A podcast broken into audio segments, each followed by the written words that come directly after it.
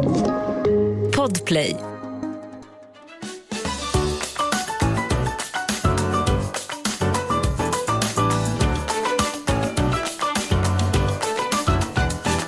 Varmt välkomna tillbaka till ett nytt avsnitt av Tredje gången gillt med mig Ida. Och mig Sanna. Hur mår vi idag? Eh, lite sliten, du också va? Ja men lite. Ja, vi har båda vabbat den här veckan och det gör ju att man blir lite sliten alltså. Jag har ju fulvabbat, eller så här, jag har vabbat. men, men han var ju inte sjuk.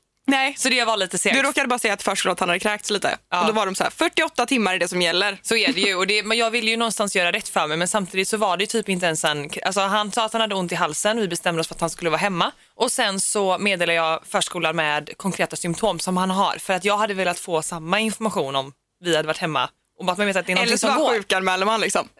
Så, utan, utan vidare Ja, kommunikation. men de har ändå uppmuntrat att man ska säga så här, ja men eh, berätta gärna vad barnet är hemma för. Så att vi kan i så fall lägga ett mönster på förskolan om det är någonting som går. Och det tycker jag är jättebra. Ja, jo, jo. Och då gjorde jag det. Och sen så spydde han och då skrev jag att han spydde. Men han spydde liksom inte, han spydde inte utan det var typ en kvällning och så kom det lite. När de hostar kan de ju bara så här, alltså det blir ju lite Ja. så, Det var en sån. det var sån rookie mistake av dig. Ja, så att- Han har kräkts och de bara, ja, ingen bara- Viggo på den här veckan. Ja, men bara, han kräktes nu men det kom bara lite slem så vi ska se hur det blir under dagen. De bara, då är det 48 timmar som gäller, vilket är helt rimligt. Men, men det, ja, han var ju aspigg så att han har ju verkligen varit, och så var det studiedag på måndagen också så att eh, det är halva veckan. Ja, härligt. Du ser fräsch ut ändå. jag säga. Mm. Vi ska den här veckan prata om ett ganska känsligt ämne, nämligen abort. Och eh, innan vi djupdyker i det så vill vi bara kanske förvarna alla ni som tycker det är jobbigt att lyssna på att spola fram lite. För att eh, det här handlar om abort och det kan ju vara jobbigt att höra om man på något ett eller annat sätt triggas av, eh, av det. Och vi kommer också prata om våra egna erfarenheter av det. Och jag kan typ tycka att när jag gick igenom det, säkert du också, att det finns inte så mycket att lyssna på i poddväg. För det är inte så många som delar med sig av det här ämnet för det är ganska tabubelagt, lite skämmigt kanske och jobbigt. Så vi tänker att vi river av plåstret och eh, pratar om det här nu i kanske halva avsnittet ungefär. Så vill man inte lyssna på det så spola fram till 29 minuten. och så kommer vi med lite roligare ämnen där. Till att börja med då så, du var ju ganska transparent, eller du berättade ju förra avsnittet, var det förra? Nej första, första. avsnittet Mm. var, ja, om eh, din abort. Och jag har ju också gått igenom en abort eh, några månader innan dig. Typ ex- exakt ett år var det va? Tror jag. Ja, eller jag gjorde det på våren och du blev ju, fick göra det på hösten. Ja, så var det. Men grejen är att det kändes inte, alltså det är inte så att jag har hållit på det för att jag inte velat berätta om det utan det är med att jag aldrig känt som ett rätt tillfälle att prata om det. Nej men precis. Typ. När jag gick igenom det så hade jag verkligen dig som ett väldigt, väldigt stort stöd. Du hade varit igenom det och du kunde typ fånga mig lite, fattar du? För du visste hur jag kände. När det känns som att ingen annan vet hur man känner typ. Så var ju du verkligen så här, jag vet exakt hur du känner. Och jag förstod också att du visste exakt hur jag kände, vilket jag, jag tyckte det var jätte, jätteskönt. Ja. Och jag kan typ tycka att det är synd att inte jag kunde vara samma stöd för dig. För jag visste inte hur det var. Nej, men jag upplevde inte som att du inte var ett stöd dock. Å andra sidan så är det ju första gången det händer så man är inte riktigt beredd på vilken känslostorm Nej, precis. man sätts inför. Och det är nog också väldigt individuellt. Jag tyckte att du fanns där bra. Jag, tycker Okej, inte, jag att ingenting att anmärka på liksom. Du kommer med en sån här, eh, vad heter det, gör om, gör rätt-lista. Så. Ja, exakt. Nej, men så vi kommer att få prata om det idag. Tycker man att det är jobbigt så spola vidare. Och nu kommer eh, ur mina anteckningar. Det här är lite pinsamt att läsa upp, för jag brukar inte läsa upp. Jag skriver väldigt mycket när jag går igenom saker, eller generellt skriver jag ganska mycket. Eh, anteckningar och så. Men jag brukar aldrig läsa upp det för någon. Så att det här känns ganska läskigt att göra, till och med för dig som är min bästa vän. Och nu så sitter vi också här inför massa lyssnare som man typ inte ens tänker på. Nu blir jag lite så här, tycker det är lite jobbigt. Okej, panik. Eh, men jag läste igenom det här för några dagar sedan när jag började tänka på vad vi skulle prata om i podden och tänkte att så här, okej, det här sätter verkligen ord på hur det känns och kanske att du känner igen dig i lite av det jag kommer berätta. Ur mina anteckningar, 24 oktober 01.36. Har du tagit ditt beslut? Frågar sköterskan precis efter att jag tagit på mig byxorna igen och torkat mer tårar än jag trodde en människa kunde göra av med under en hel livstid. Jag vet inte. Har jag det? Har vi det? Allt jag önskar att få höra var att de inte hittar hjärtljud eller att någonting är fel. På något sätt hade det känts så mycket enklare då. Varför är sjukhusrum så sterila och kalla? Det gör allt så mycket jobbigare. Och varför sa jag ja till att ta med en läkarstudent in i rummet jag precis hulkgråtit bakom ett litet skynke? Och stackars Kalle, han är ju bara med men jag tror inte han vet vad han ska göra för att få allt att bli lättare. Han klappar mig på axeln hjälper ju inte, men han är med och det är det enda som betyder något. Jag bryter ihop och kommer igen, bryter ihop och kommer igen. Jag är okej, jätteokej. Jag är okej. Och jag är så jävla trött på de orden för jag är ju allt annat än okej. Typ så inte okej man kan bli. Detta är fan fruktansvärt och jag är rädd, ledsen, förtvivlad och jag har ångest och känner mig som världens sämsta mamma och är den mest egoistiskaste människan på planeten jorden. Det är ingen stor grej, alla gör det någon gång, men varför är det bara jag som tycker att det är så jävla jobbigt då? Allt som förra gången jag plussade var så pirrigt och roligt och underbart är nu som den mörkaste mardrömmen. Det skulle inte bli så här, jag skulle inte bli gravid nu. Det funkar bara inte. Väck mig när allt är över, för just nu så är jag inte okej. Jag tänkte fråga, hur känns det att läsa upp det nu? Nej, men nu känns det bra, för nu har jag liksom läst igenom det någon gång innan podden. Mm. Men känner du igen dig i känslan? Ja, gud. Alltså, verkligen. Och framförallt det här när man har varit gravid en gång och fått göra alla de här roliga besöken, eller roliga, men ja, Ja. Ultraljud och, och sådana grejer och att, att, att, plus, att plussa på stickan har varit något positivt och, och allting som man har betingat med något positivt blir nu helt det andra hållet. Ja, jättemörkt liksom. Ja, och så hoppas man ju precis som du säger, man hoppas att det finns en, att, att det är någonting som är fel så att det rättfärdigar den här aborten. Samtidigt är man ju så Exakt. tacksam att man kan göra abort. Det är så många känslor som är åt så olika håll upplever jag det. Som att så här, man, man skämdes samtidigt som att man var jätteledsen. Samtidigt som att man visste att så här, det här är det som är bäst för mig och rätt för mig just nu. Det är det som jag kan tycka är så jobbigt i att dina känslor drar åt olika håll. Hänger du med? Och det känns som att anledningen som man hade aldrig var tillräckligt nog. Det hade inte spelat någon roll om det hade funnits världens mest rimliga anledning som att, typ, att barnet är sjukt eller vad det nu kan vara eller att man inte kan behålla av rent fysiska orsaker så känns det som att ingen anledning hade varit tillräckligt nog ändå. För det känns som att både du och jag, när vi gick igenom det här, så var det typ av lite samma anledning att det passar inte just nu. Nej. Eller? Nej, alltså det var ju ja, men det var en blandning av, av mycket. Mm. Livspussel, ekonomi, ja alltså hur, hur vi såg att den här, alltså hur vi såg att familjen skulle, vad må familjen bäst av, alltså allt. Kan inte du gå in lite på, för vi har pratat ganska mycket om min Mm. abort, eller vi har pratat lite om det i alla fall och typ när och var och hur. Mm. Men kan inte du gå in lite på typ när du plussade och hur du kände Mm. och allt det där? Alltså Ja. berätta från start liksom. Eh, ja men eh, det här hände ju när Viggo var eh, knappt fylld ett år. Mm. Det var ju i eh, mars. Så han hade väl kanske i och för sig precis, Precis skulle fylla eller precis fyllt. Och eh, jag hade ju, eh, jag gick ju på Natural Cycles då.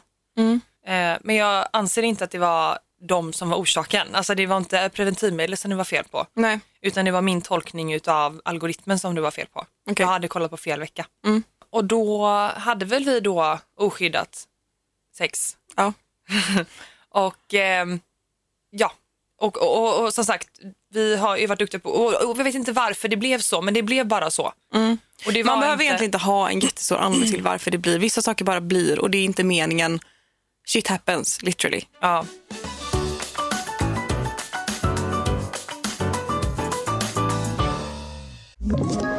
Ett poddtips från Podplay. I podden Något Kaiko garanterar östgötarna Brutti och jag, Davva, dig en stor dos skratt. Där följer jag pladask för köttätandet igen. Man är lite som en jävla vampyr. Man har fått lite blodsmak och då måste man ha mer. Udda spaningar, fängslande anekdoter och en och annan arg rant. Jag måste ha mitt kaffe på morgonen för annars är jag ingen trevlig människa. Då är du ingen trevlig människa, punkt. Något Kaiko, hör du på Podplay. Därför är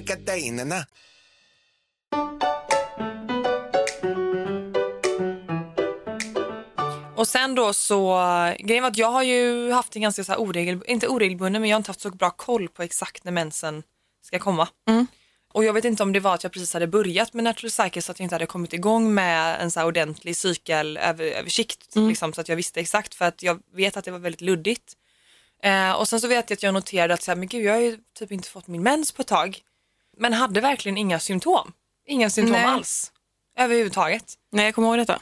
Och sen så eh, var jag ju hemma hos dig, vi skulle ju podda då. Ja. Och eh, så sa vi jag lite på skämt. Du vet, ibland kan man ju bara få för sig, det är ju inte första gången jag har fått för mig att jag ska ta ett graviditetstest. Nej. Bara för att man f- bara så här, "Ah, jag måste bara testa för säkerhets skull. För att jag vet att det var vid ett tillfälle som vi faktiskt hade oskyddat sex. Typ så. Så att det här var ju ett av de, de tillfällena. Och, men, men så var jag så jäkla säker på att det inte var någonting för jag hade ju inga symptom. Nej, du var ju, jag kommer ihåg att så här, du kom hem till mig och bara, du, gud alltså min mens, antingen så är den sen eller så är jag typ gravid. Jag bara, men gud tänk om du är gravid? Du bara, nej men jag är inte det typ. Alltså du verkligen såhär, nej men gud det kan inte vara så. Nej. Och då hade jag ganska nyligen, för att efter man har fått barn så är ju en cykel, kan vara ganska oregelbunden generellt. Så min cykel var också lite oregelbunden. Jag vet att jag hade köpt hem ett tvåpack bara för att jag trodde att jag typ min mens var sen, men jag hade inte riktigt koll på när den kom. Och då så hade jag tagit ett test, det var säkert typ två månader tidigare, som var negativt då för att jag fick min mens. Men du, eh, så jag hade liksom ett test som bara låg. Och jag bara, men, men ta det om du vill. Vi typ så här skojar lite om det. Ja, och grejen var att jag var ju, alltså värt att tillägga då att jag var ju så säker på att jag inte var gravid så att jag ändå kunde tänka mig att ta det hos dig. Exakt. För ja. det är ju inte så, alltså någonstans om man vet att man, eller om man misstänker att man är gravid och är orolig för att det ska vara så, så vill man ju i alla fall ta det med sin partner hemma ja, eller bara själv liksom. eller själv. Så att jag var så säker på att det inte var någonting. Och sen så var jag hemma hos dig och så tog jag det här testet och så väntade vi en stund. Och, Och så skulle väl jag kolla, eller? Ja, eller när jag kollade först, Du kollar först. jag bara, det är två streck. Gud, jag kommer ihåg det. Och du kollade bara, nej men det är inte två streck. Jag bara, det är två streck. Och du bara, det är två streck. Och, och grejen är att jag har lite en, alltså ett problem med mig som jag tycker, det är att i situationer där man förväntas känna en stor känsla, typ när Sebbe friade till mig, typ när Viggo föddes, så är det att jag de första, liksom, den första liksom, korta stunden när den här stora känslan förväntas inträffa, så känner jag ingenting. Nej, du stänger av lite. Ja, och jag vet inte varför. Men där var du ju bara så här. Du Så var ganska likgiltig. Ja. Att du var inte glad och du var inte ledsen. Medan du och jag, jag var ju så pass nära dig, eller är, så att jag visste ju att du inte ville det här. Så. Men alltså jag var ändå så här, och hem nu i lugn och ro, tänk över det här. Vad, vad du än gör kommer det bli jättebra. Även om du inte planerade för det här, så om du vill kommer det bli jättebra. Att så här, typ så här, åk bara hem i lugn och ro och tänk över det här. Det kommer lösa sig liksom. Men det är också svårt att vara på den sidan att man skulle typ vara så här, okej, eh, jo men du det är två streck. Alltså, så- och jag visste ju inte hur, hur, hur känner du inuti liksom. Det är jag visste inte svårt heller. att förhålla sig till det. Och sen kom Kalle hem mitt i allt och vi bara låtsades som ingenting. Så, mm, mm. Ja, det var faktiskt eh, weird. Ja, jätteweird. Men- Han fattade att det var något konstigt för vi var ju i köket, det var ju konstig stämning liksom. Ja. Medan så, Nej, så att jag, var, jag var nog väldigt likgiltig till alltså, där och då. Och sen så bytte vi fokus, vi spelade in poddavsnittet och liksom så. Och sen så och, åkte jag hem och så berättade jag för Sebbe och vi har ju, var ju väldigt överens. Att det passade verkligen inte och jag tror inte, alltså jag, jag, jag tyckte inte att det var det bästa för vår familj. nej men precis. Och det tyckte inte han heller och det var verkligen inte meningen. Så, och sen är det ju då den här jobbiga delen med att då ringa och anmäla det här Ja, och boka en tid och sen då känna sig lite skyldig för att man hade använt sig av Natural Cycles. Ja, va, men, men egentligen, ska jag inte bara ta bort den där skämskudden typ? För att man ska inte, oavsett anledning till varför man gör abort eller har blivit gravid, trots att man inte vill det, så tycker inte jag det ska behöva vara att man skäm, för jag kände exakt samma sak, att jag skämdes lite över det. Att så här, det här är mitt fel, det här är bara mitt fel. Men jag kände också att barnmorskorna, eller hon som jag var i kontakt med, och det finns säkerligen rimliga belägg för det. Men jag bara kände att de var så jäkla anti det här preventivmedlet och skulle då förklara för mig, vilket jag egentligen inte tycker någonting om så. Men jag kan inte heller låta bli alltså, hur det ändå landade hos mig. Att det ändå kändes som att så här, ja, det här är verkligen, det kändes egentligen som att det var mitt fel. Och det, på sätt och vis så är det ju det. Ja, Men ehm, ja, så vi bokade abort då och då är jag ju, det här är så typiskt mig också då, för då åker vi till fel ställe, då åker vi till Östra. Och då ska jag göra aborten mitt i stan så att jag blir ju sen dit, typ en halvtimme. var de mitt i stan? Vad gjorde ni aborten? Östra? Ja, vi gjorde inte det. Nej okej. Vi gjorde det mitt i stan. Okej, ja. Alltså skitsamma. ja. Och eh, kommer in där i det rummet och då fick inte Sebbe vara med. Det är också jätteknäppt egentligen. Ja, så han fick inte vara med. Och så frågade hon om jag gjorde det här av egen fri vilja. Då. Och, det kan jag köpa, att man liksom tar mannen åt, eller personen åt sidan, partnern åt sidan och sen så pratar med den som är havande och sen så frågar man, liksom, är du verkligen säker på ditt beslut? Men sen fick han liksom inte komma in igen. Så att jag behövde ju göra hela eh, ultraljudet och sånt själv. Usch. Och det tyckte jag var jobbigt. Ja, men det tycker jag också var det jobbigaste med allting. Att behöva göra ett ultraljud. Att de säger typ att ah, men det ser normalt, det ser bra ut. Man bara, Ja, kan inte du bara säga det. att det inte ser bra ut? Men framförallt det att hon bara, ja det ser jättefint ut och där ser jag ett hjärta som slår. Det var liksom som ett slag i magen. Ja, varför säger så här- man så? Ja, men antagligen för att hon, hon frågade ju om jag ville eh, veta om det är någonting som inte ser bra ut. För jag tänker för mig kan det vara bra att veta om, om det till exempel hade varit tvillingar jo. så hade jag velat veta det och det var det ju inte då. Och om det hade varit då eh, någonting avvikande så hade det ju varit bra för mig att veta också. Ja, men då kanske man kan hålla det till att så länge det inte är det så säger man typ ingenting. Nej. Jag ser det jag behöver se, kan man ju säga. Men jag tror att hon sa det. Alltså, jag tror att hon sa, jag ser det jag behöver se. Det, det ser normalt ut. Eh, Hjärtat slår liksom. Och jag tror det var just det här med att, liksom, att det fanns, alltså, alltså hjärtat kom ju ganska tidigt men ja. Så det var jobbigt. Och sen så fick jag ju ta första tabletten där. Just det. Det fick du också antar jag. Och sen då så skulle ju själva aborten ske dagen efter och det var ju också en chock. Ja, man visste inte riktigt hur det fungerade. Liksom. Jag trodde ju att man gick dit, tog ett piller, väntade tills den började verka och sen fick åka hem och så fick aborten ske hemma. Ja. Men det var ju, man tar ett förberedande piller Ja. för att liksom förbereda för aborten och sen så tar man ju ett en, en piller dagen efter. Beroende på hur man gör aborten då, givetvis. Ja, eller så var det ju för mig då. Och det var ju också lite sådär, och då vet jag att Sebbe såhär, ah, okej, men ehm, ska jag åka tillbaka till jobbet nu då?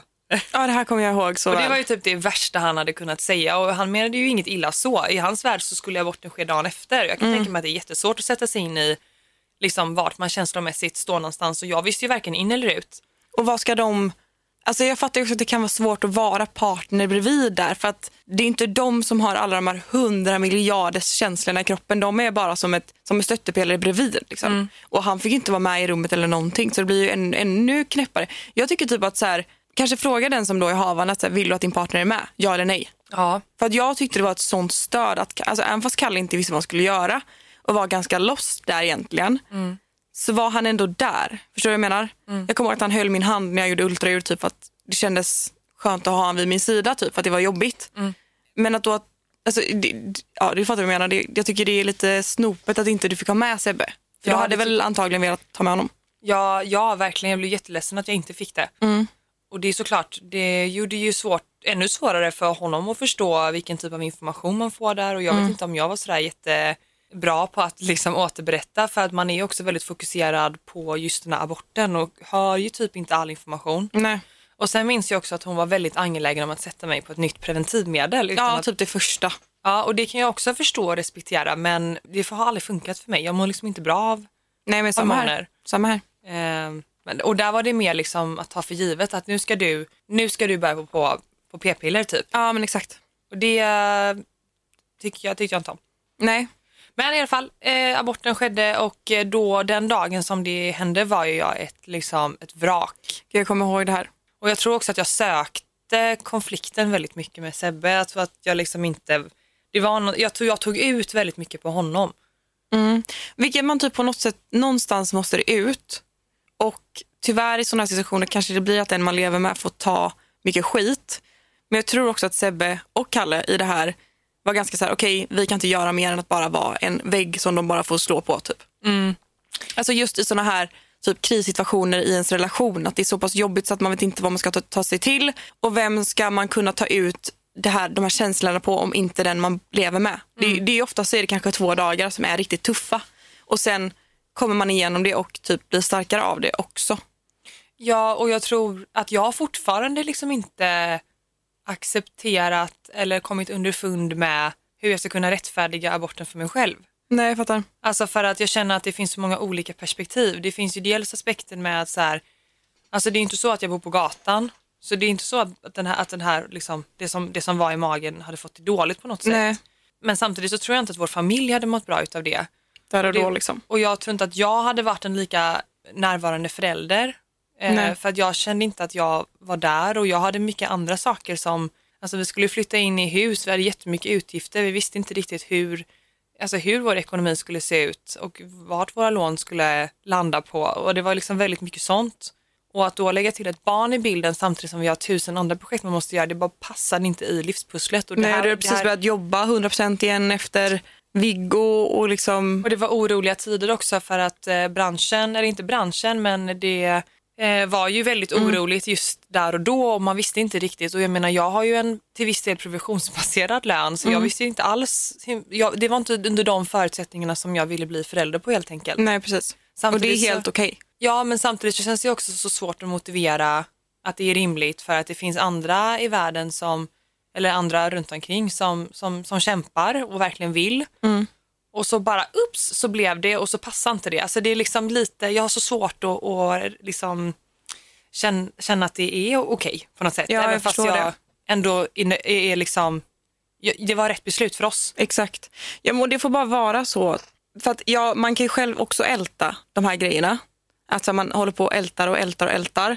Man kommer liksom ingen vart med det. Jag har typ bara börjat få, jag får liksom bestämma med mig själv att jag får bara släppa det. Att det var det, var det som fungerade bäst då. Vi hade haft BF typ på vårt bröllop och då hade vi, alltså vi, hade liksom, vi var långt inne i bröllopsplaneringen. Vi hade fått styra av hela skiten. Ta tillbaka inbjudningar, alltså det hade inte gått. Vi, nej men vi hade inte ens kunnat gifta oss, vi hade inte ens kunnat flyga till bröllopsdestinationen. Att, att jag hade varit lite gravid mitt bröllop, alltså typ så här, vecka 20, vecka 25, det hade ju funkat liksom. Eh, utan problem om det hade varit så. Men jag hade verkligen typ fött på bröllopsdagen och jag hade inte ens fått flyga dit. Nej. Och så vi hade fått liksom dra in inbjudningar, alltså det hade blivit ett sånt jäkla meck. Och sen klart man kan göra det men det kändes inte heller rätt. Vi bodde hos mina föräldrar då för vi renoverade. Men det var väl också framför allt, alltså även om bröllopet var en anledning så, så vet ju jag att det fanns tusen andra aspekter på att det inte passade i livet. Ja, ja. Alltså det, det är bara precis samma som för dig, typ, att så här, det funkar inte där och då. Ehm, vi, det hade blivit väldigt stressigt med allting och jag har, vi- det var ingenting vi ville och det var också så här, det blev, det blev av ren, eh, inte säga otur, det låter så himla knäppt att säga det, men du förstår vad jag menar, att det var så här, det klaffade inte, det hände liksom, det var en olycka som skedde och som råkade bli så här och det var vi båda jättechockade över, båda två liksom. Ehm, det är konstigt för man skäms ju lite när man pratar om det. Så att man ska inte behöva göra det. Vad man än har för anledning ska man inte behöva göra det. Nej. Det är ens Alltså- egna val. Liksom. Ja, och jag är ju jättetacksam såklart över att valet i Sverige finns. Men jag skäms också över att jag var så självisk. något sätt. Ja, ja. Alltså man känner sig, jag känner mig som en världens, alltså en riktigt egoistisk person och med en sämsta mamman tillsammans som känner att så här, nej jag vill inte ha syskon nu. Alltså, det, det är konstigt typ också men jag kan också typ känna att anledningen till att det också var så självklart för mig var också för att vi är så unga. Så att stressa in i en sån här grej känns inte rätt. Nej. Förstår du? Nej, nej, precis. Jag vill inte att man trampar dem på tårna med det här avsnittet. Det är, det är det som blir lite jobbigt när man pratar om sånt här. Men jag tror att de som lyssnar och har gått igenom samma sak på något sätt kanske kan hitta någon form av tröst i att man inte är ensam i alla sina tankar. För att jag vet att jag lyssnade på Women Sync-podden eh, i samband med det här och typ kände också lite tröst i att så här, de hade inte heller någon speciell anledning till det utan det bara var och så får det vara och så pratar man om känslorna kring, kring det. Och alla hormoner, alltså jag kommer ihåg att alltså, månader efter aborten så kände jag att mina menscyklar var eh, så starka på ett annat sätt än vad de var tidigare. Kände du det? Jag hade Ja. så mycket mer känslor, mycket mer PMS, mycket mer, alltså, mycket mer känslor. Jag var liksom galen ibland i min kropp. Liksom. Ja, och framförallt så tror jag att, eh, ja, men lite som du är inne på, att känslorna blir så här tusen gånger starkare. Så att jag kände att jag var arg så var jag jättearg och när jag var ledsen var jag jätteledsen. Exakt så ja. Och det blev, liksom, det skruvades verkligen upp och det var en jäkla hormonell och humör berg och dalbana Gud, ja. i några månader tills jag kände att jag började hitta tillbaka. Så att det där var, det är inte, jag, jag har alltid sagt innan, Mm. eh, och det kan också låta ganska okänsligt men det är ju för att jag inte haft någonting att förhålla mig till innan. Men så här, i värsta fall så gör man en abort, Mm. har jag alltid tänkt. Men det här var verkligen, alltså, när man, att, att väl göra det sen, Det var riktigt jobbigt. det, Alltså. inte, det var verkligen inte bara att göra. Nej, Utan alltså, det var en lång process inför, under och efter. Jag kommer att jag ringde upp dig dagen du var hemma och gjorde abort för att typ kolla, ska jag komma med mat eller vill du att jag gör någonting? Typ. Att så här, för att försöka finnas där lite. Alltså jag har aldrig hört dig så ledsen. alltså jag har aldrig någonsin hört dig så förstörd. Alltså, och jag, då är ändå, vi har gått igenom mycket ihop, alltså, som har varit så här, mycket känslor inblandat. Men det här, så som jag hörde dig i telefon, jag bara, alltså jag har aldrig hört dig gråta så högt och vara så himla arg och ledsen och förtvivlad. Och alltså jag, jag kommer ihåg att jag var helt i chock. Jag kommer ihåg att jag var vid korsvägen med bilen och jag kommer fortfarande ihåg vilken väg jag körde på när jag ringde upp till dig. Du bara, hallå! Men jag vet också att, för jag tror att just den Jävla gången... Sebbe Borg, han har åkt och jobbat! Nej men då hade han också handlat. Ja, så var det. Men, ehm, men eh, jag vet för att jag ringde dig då, vill jag minnas, för att du hade ju din eh, kollega i bilen. Nej men det här var inte då. Nej, för Nej. jag vill minnas att du bara, "Oh, okej det var det samtalet, liksom att du så här sänkte ljudet lite för Nej det var nog någon, någonstans där i dagarna men just där så hade jag ingen i bilen, det kommer jag ihåg. Nej men, eh, nej men alltså det var fruktansvärt. Alltså det var så, jag kände mig så, och framförallt så kände jag mig så ensam. Mm. Alltså, och, och det är ju ingenting egentligen, alltså Sebbe fråga hade inte kunnat göra någonting annorlunda egentligen. Nej. Utan det var bara att det spelade ingen roll. Han hade kunnat liksom, ja, svälja huvud och byta kropp. Mm. Det hade fortfarande, var- fortfarande tyckt att liksom, jag behövde någon och bli arg på. Typ. Ja. Och det är ju egentligen någonting som, så ska det inte heller vara. Nej. Men jag visste, jag visste inte jag skulle hantera det bara. Nej, jag vet. Alltså det är svårt. Jag kommer ihåg att jag tror att jag fick den här arga utbrottsperioden. Den fick jag typ några veckor efter aborten. Då kom ilskan till mig och då kunde jag bli arg på Kalle för minsta lilla. Och då kunde jag vara såhär, jag har precis genomgått en abort, är du dum i huvudet? Alltså då kunde jag komma med min så här mega-PMS för de minsta grejerna liksom. Och han var såhär, jag känner inte igen dig. Och det var, jag känner inte igen mig själv heller. Men just under aborten så var jag ganska lugn. Jag var mer typ, jag kände mig lite tom på hur jag skulle känna. För jag var också så här, jag tror att hade jag varit hemma i vårt hem, då hade jag nog känt att jag kunde vara mer mig själv, mina känslor och bara få ur mig allting. Men vi bodde också hemma hos mina föräldrar när det här hände. Och det var inte jättekul. Jag kommer det var liksom, jag kom hem från Östra och var jätteledsen. Pappa var typ så hemma från jobbet och åt lunch. Och jag kommer att jag bara gick rätt ner i källaren där vi, vi bodde i källaren. Det var som en liten typ, gäst, gästrum där nere. Det var inte jag som fes, det var min sko. lät Det var, lyssna. Det var min sko. Alltså. Ehm, men, och då är det som att så här, de fattar inte vad som hände för jag hade inte berättat för dem riktigt vad som hände. Och jag sa till Kalle att jag vill inte berätta. Jag, bara, jag vill inte att du säger till mamma. Jag vill inte att du berättar vad som händer. Säg bara att jag är sjuk, säg att jag har migrän. Att jag ligger i källaren och har migrän. Varför ville du inte berätta? För jag orkade inte. Alltså jag hade några veckor tid. Vi fick reda på det här dagen innan vi skulle åka till Spanien och vara där i tre veckor. Vi kallade dem hade lite paus med jobbet. Så vi skulle vara nere i huset i Spanien i tre veckor och jobba därifrån och så. Och då fick jag reda på det dagen innan vi skulle åka. Och Kalle bara, ska vi ställa in? Och jag bara, nej jag vill inte ställa in resan på grund av det här. Jag får bara helt enkelt, det kanske också är skönt att åka iväg och känna att, för att alltså, troligtvis så var jag ganska tidigt gravid då. Så att man hade tid på sig utan att det var kris och panik. Och jag bara, worst case får jag göra det i Spanien. Det Och måste ju gå också- göra där. Och också utvärdera kanske beslutet. Så att, Exakt, gå fram och tillbaka kring vad man vill göra. Så då åkte vi ner ändå och min pappa skulle komma och hälsa på oss i Spanien en helg. Och då hade jag börjat må ganska dåligt. Alltså så, inte psykiskt var väl helt okej då, men jag kände att jag mådde fysiskt dåligt. Att jag mådde jätteilla och sånt. Och så ska man åka på spanska vägar. Så en, det var ett tillfälle vi var tvungna att stanna bilen för att jag höll på att kräkas.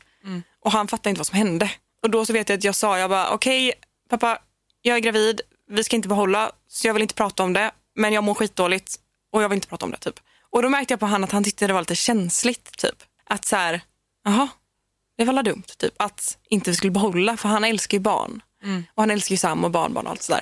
Så han tyckte nog att det var som så här, jaha, vadå ska ni inte behålla? Och det menar han ju inte med någon, någon, något illa, utan han menade med typ, ska ni tänka igenom det här ordentligt? Liksom? Ni löser ju det här, typ så. Eh, och det tyckte jag var lite jobbigt att behöva ta det med honom. Och sen sa jag bara, säg ingenting till mamma för jag orkar inte att hon ringer och hur är det med det? Jag orkar liksom inte prata om det. Jag blir sån att när jag mår dåligt över någonting så vill jag inte prata med någon om det. Och om jag pratar med någon om det så är det typ knappt Kalle. För att jag är så här, jag orkar inte prata om saker. Jag pratar ju med dig ganska mycket när saker och ting händer liksom. Generellt sett så orkar jag inte prata om det. Så jag vet att vi var där och jag började må ganska dåligt. Och jag, då började jag också bli lite ledsen för att jag började känna alla de här typiska gravidsymptomen som jag inte hade känt tidigare. Som att så här, mina bröst blev stora, jag var liksom så här, mådde lite illa, jag var trött. Och då började jag bli lite ledsen för att det kände jag var så himla pirrigt förra gången. Alltså gud mina bröst är så stora nu att man typ skrattat åt det för att det var så, här, så sjukt. Nu är jag bara så här, jag vill bara att de inte ska vara det. Typ så. Eh, och sen när vi kom hem så gjorde jag ju aborten då. Och då, det kände jag bara att jag ville bara att det skulle vara över. Typ. Bara att det skulle vara över. Alltså ville bara att så här, ta mig ur min kropp och väcka mig om några månader när jag känner att så här, jag bearbetat det här. Typ. Och det var jobbigt att göra hemma hos mina föräldrar. Det var inte kul. nej, Det var, kändes lite knäppt liksom. nej, det kan jag verkligen förstå. Och det var alltså själva förloppet. Tyckte du att, vi har inte ens kommit in på det här, men just smärtmässigt, tyckte du att det var jobbigt på det sättet? Nej. För det tyckte jag heller. Jag var inställd på det värsta typ. För jag har hört av så här, bekanta och sånt som har gjort det att så här, alltså det typ, var det värsta smärta jag varit med om i hela mitt liv. Jag låg och grät på golvet och kräktes typ. Men jag tyckte aldrig det gjorde särskilt ont. Det var mer fysiskt jobbigt bara. Alltså jag vet inte riktigt eh, om, det är, om, det kan, om det är så att det gör mer ont eh, ju, ju längre fram i graviditeten man är eh, till fram tills att man då, alltså man, man får ju en tablett fram tills en viss vecka och sen så är man ju för lång gången för det och då gör man ju en skrapning. Så att jag vet inte om det hade att göra med att man fortfarande var, jag tror vecka fem eller någonting. Och då är ju typ, ja det är ju ganska tidigt. Och då vet inte jag om det inte hade hunnit bli så mycket att det inte gjorde så ont. För Nej. du förstår. Jag tyckte det var göra. obehagligt. Jag gjorde vecka nio var jag när jag gjorde min abort. Tror jag. Det var ju, gud det här är ju verkligen kanske för mycket att berätta, men det var, jag tyckte det var jobbigt att man blödde så jäkla mycket. För det var ju så här, det var ju det var helt sjukt mycket man blödde. Om man ska vara helt ärlig. Det var riktigt obehagligt. Och jag blev lite yr av den känslan. Jag vet, ja. Att jag, blev Blev jag så? Att jag blev yr i huvudet av att typ det var lite så, jag tror man tappar mycket blod under en kort period tror jag. Det var lite jobbigt. Alltså jag försöker tänka tillbaka. Jag vill, vet inte om jag minns att jag blödde sådär jättemycket. Jag vill ju dock minnas att jag kunde gissa mig till vad som var när Ja. aborten var ute så att säga. Ja. Det var jobbigt. Ja, det, ja för fan.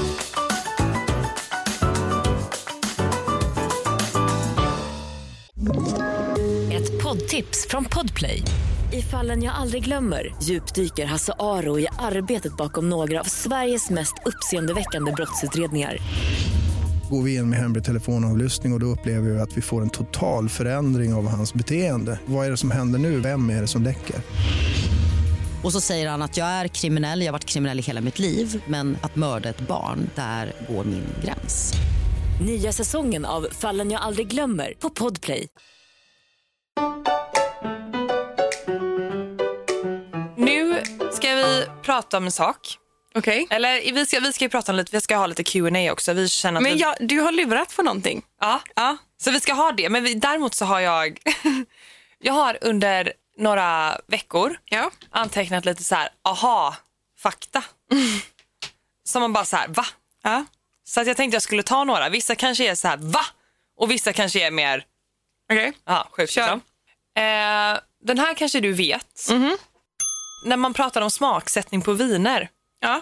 så är det ju inte smaker som är tillsatta i vinet. Om man säger att den har ett inslag av kiwi och lime. Men det är väl inte Så är en det aha-fakta? För mig och för väldigt många andra så Okej. är det aha. För att jag trodde att när jag går in på systemet och läser på en flaska vitt att det smakar päron, Nej men Lida, det vet du ju! Nej, Att det inte är så att de har lagt i päron i vinet. jo. Nej men Ida. Men jag, men jag trodde arom, eller du vet att man har tillsatt det med någonting. Men det är ju att man har då typ ansett att det smakar det, eller? Ja, jo. Det kan Så vara att egentligen- druvan har liksom en viss karaktär åt ett visst håll. Liksom. Ja, men nu är du lite så här sommelier så det, du är typ fel person att ta den här A-faktan Ja, men det med. fa- jag tror att de flesta Nej. typ över 25 vet att det inte Nej. är päron i vin. Nej. Vin är gjort av vindruvor. Ja, men det kan, ju fort, men det kan ju också vara typ... Um, jag kommer inte på. men det kan, ju, det kan ju fortfarande vara smaksatt av någonting. Visst, Alltså, det, smakar, det, det, så här, ja, men det doftar lite hästbajs. Det är inte så att lite hästbajs i vinet. men finns det ju inget vin som påminner om hästbajs. Jo, många. Okej. Stall, gammal källare, gammalt läder. Ja, okej. Men när jag pratade om det här med eh, Sebbe, Mm. mamma, pappa, Sebbes kompisar. Men Sebbe vet väl det? Nej. Va? Nej. Men Sebbe är ändå lite så. Ja, men inte så. Nej, okej. Så d- jag vet inte. Jag tänkte säga att du får komma på vin imorgon men det kan du inte för du får ju dricka alkoholfritt. Jag kan lukta. Åkigt. Ehm, det här är nummer två. Det här är typ min sämsta. Men det är att urinvägsinfektion inte kan kopplas till kyla. Nej men det, det, det vet jag också. Det visste du? Ja. För det visste inte När jag. man var liten trodde man att man inte fick sitta på kalla bänkar och sånt. Nej. Men det är med att virus och bakterier och sånt växer ju i kyla. Ja. Så om du redan är lite känslig så får du ju säkert större effekt av din urinvägsinfektion. Men det kommer ju inte från kylan. Nej, för jag tänkte precis att jag kan motbevisa det för att jag har ändå upplevt att vi har ett tillfälle fick urinvägsinfektion för att jag satt på en kall bänk. Det är en kombination. Ja. Gud, Jag såg Dr. Tracy. Och Typ. sommelier sam. Jag, jag är han Jan, Jan, inte Jan Emanuel. Nej. Jan, Ja, han. Jan Erik. Carl Jan. Carl Jan. Eh, det, här är, det här tror jag inte du vet. Okej. Vet du vad månadshyran på Rish per månad ligger på? På Rish. Ja. Eh, 350. 350 000. Ja. En och en halv miljon.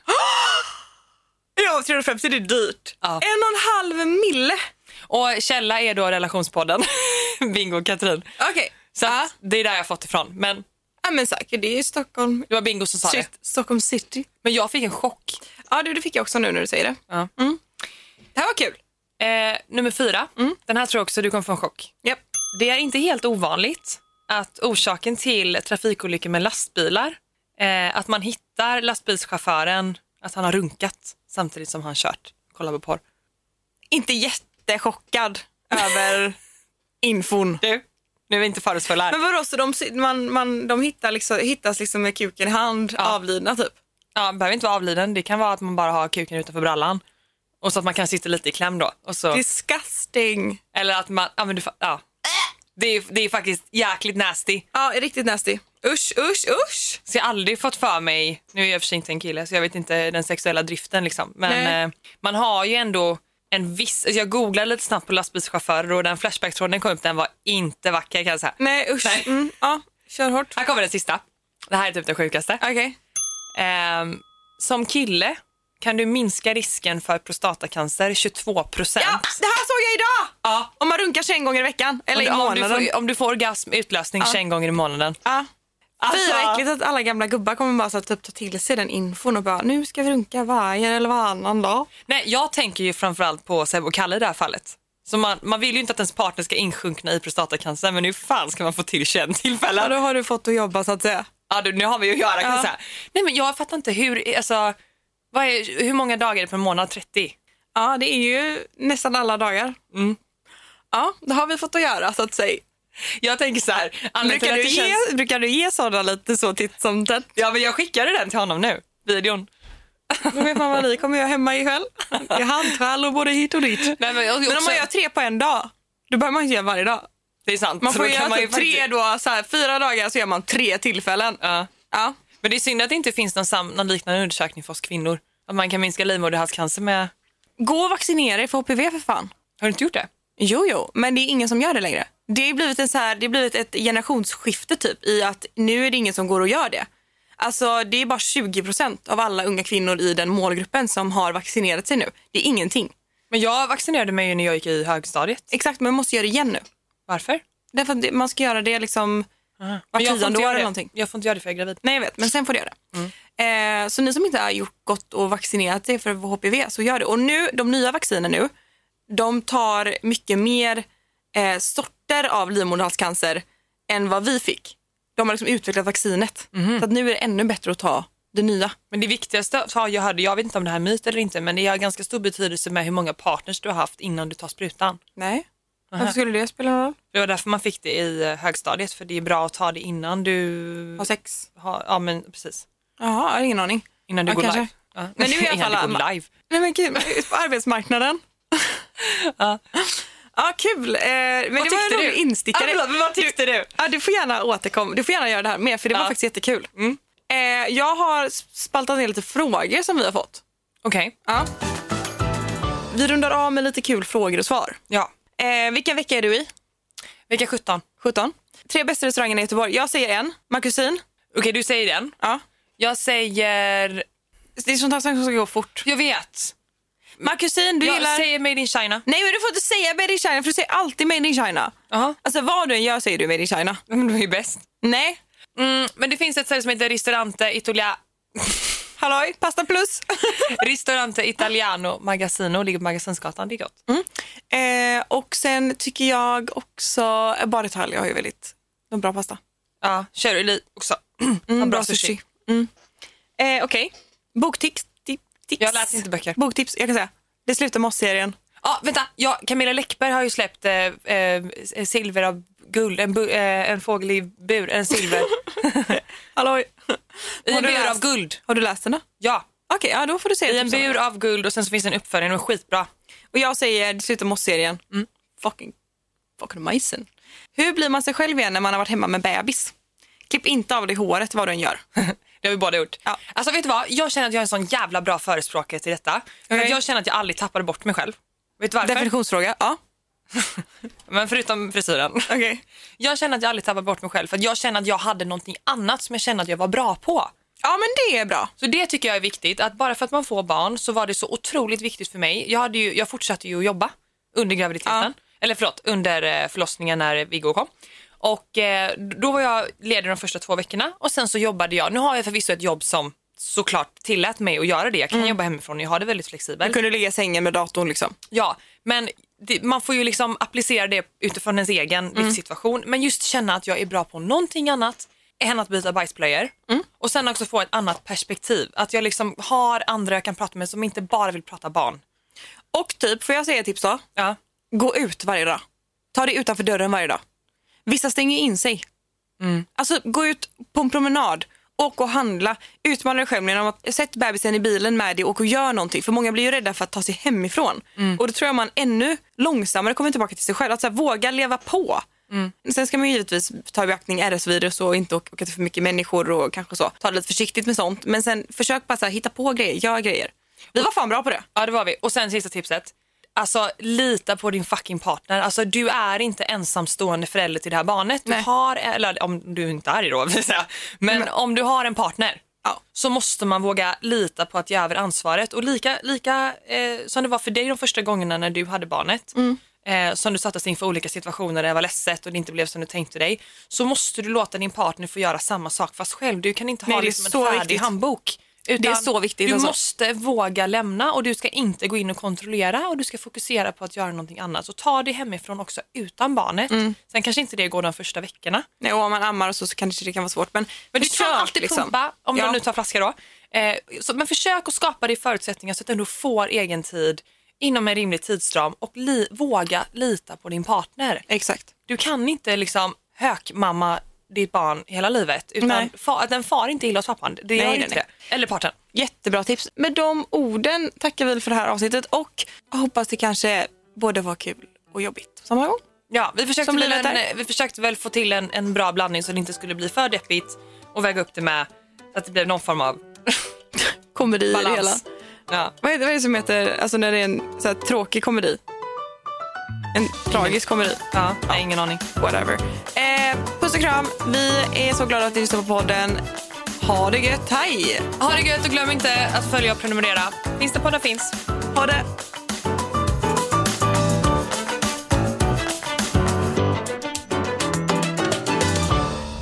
Podplay, en del av Power Media.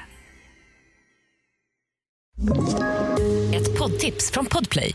I podden Något Kaiko garanterar östgötarna Brutti och jag, Davva, dig en stor dos skratt. Där följer jag pladask för köttätandet igen. Man är lite som en jävla vampyr. Man har fått lite blodsmak och då måste man ha mer. Udda spaningar, fängslande anekdoter och en och annan arg rant. Jag måste ha mitt kaffe på morgonen för annars är jag ingen trevlig människa. Då är du ingen trevlig människa, punkt. Något Kaiko, hör du på Podplay. Därför arkadeinerna.